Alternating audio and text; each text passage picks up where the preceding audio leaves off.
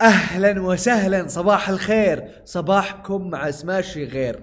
اليوم عندنا مجموعة من الأخبار المهمة. راح نتكلم عن تيك توك راح نتكلم على منصة ساري وكذلك راح نتكلم على العملات المشفرة. نبدأ بتيك توك. صراحة خبر آه، لفتني كثير ولفت الكثير يعني مو بس أنا.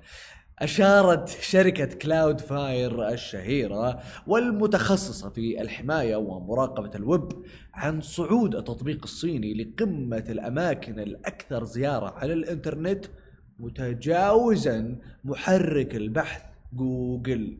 وقالت كلاود فاير إن تيك توك تمكنت من الصعود للمركز الأول كأكثر الوجهات زيارة على الإنترنت في فبراير ومارس بداية العام وكذلك في شهر يونيو ثم عادت في شهر أغسطس للقمة واستمرت عليها حتى الآن. متجاوزة محرك البحث جوجل الذي كان لسنوات طويلة الوجهة الأكثر زيارة عبر الإنترنت وبفارق شاسع عن آه، آه، آه، المواقع والشبكات الثانية. طبعا كلنا نعرف هذه المعلومة. كلنا نعرف أنه جوجل رقم واحد. ولكن اليوم الجديد انه جوجل ما عادت رقم واحد كالمتصفح الأكثر استخداما. تيك توك. تيك توك اكتسحت السوق لها سنوات وأنا شخصيا يعني كنت رافض إني أستخدم تيك توك تيك توك. وصرت أستخدمه غصبا عني. لازم تستخدمه لأنه أنت لحالك ما قاعد تستخدمه فعليا. فإلى الآن صراحة ما أعرف آه، آه، التطبيق بشكل جيد ولكن قاعد أتعلم حبة حبة. فيعني ما فاتكم شيء بالنسبة لي أشوف إنه ما فاتكم شيء ولكن آه، فعليا لازم نتفق سواء تستخدمه أو لا إنه التطبيق اجتاح السوق. اليوم التطبيق هذا نافس بل أصبح متمركز.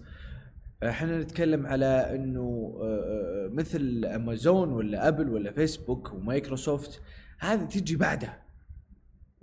وهي تاخذ أرقام عالية كتصفح لأنها آه، بشكل عام انتشارها كبير وخدماتها ومتاجرها وأنظمتها مختلفة. لكن تيك توك تمكنت من تغيير ذلك بسرعة وصعدت إلى القمة متجاوز الجميع مؤخرا. فشيء جدا ملفت. شيء جدا ملفت طيب ننتقل إلى الخبر الثاني منصة ساري السعودية أغلقت جولة استثمارية بقيمة 281 مليون ريال بقيادة سنابل الاستثمار. طبعا أعلنت ساري منصة التسوق لقطاع الأعمال والمتخصصة في ربط أصحاب المشاريع الصغيرة والمتوسطة ومتناهية الصغر مع شبكة آه، من آه، صناع السلع الاستهلاكية وتجار الجملة.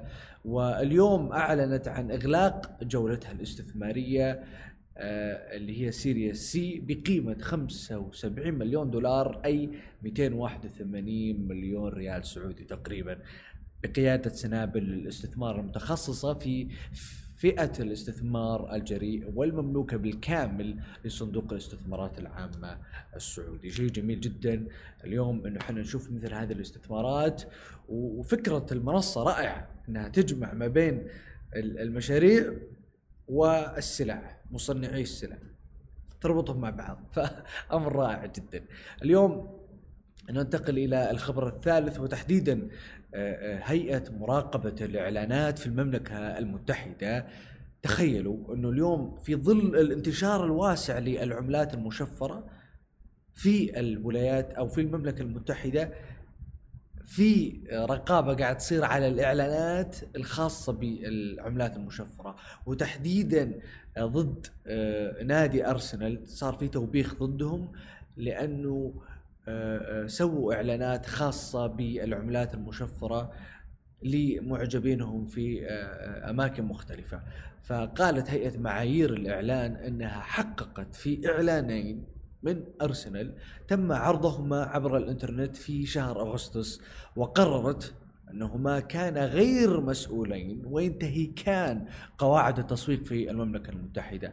ويأتي الحكم ضد أرسنال الذي جاء بعد سلسلة من الإجراءات المماثلة الأسبوع الماضي. في وقت زاد فيه عدد شركات خدمات التشفير والرموز المميزة نفسها من إعلانات عشاق الرياضة. فأمر اليوم ملفت أنه الكريبتو العملات المشفرة قاعد تنتشر في أنحاء العالم وقاعدة تعتمد بشكل رسمي اليوم في المملكة المتحدة ممنوع إنك أنت تعلن آه، في توبيخ وفي قرارات قاعد تصير ضد فريق أرسنال الفريق الإنجليزي المعروف وذلك لأنه دخل في الإعلانات الخاصة بالعملات المشفرة. هذه كانت أخبارنا لليوم نشوفكم في بث مباشر آخر غدا في نفس الموعد.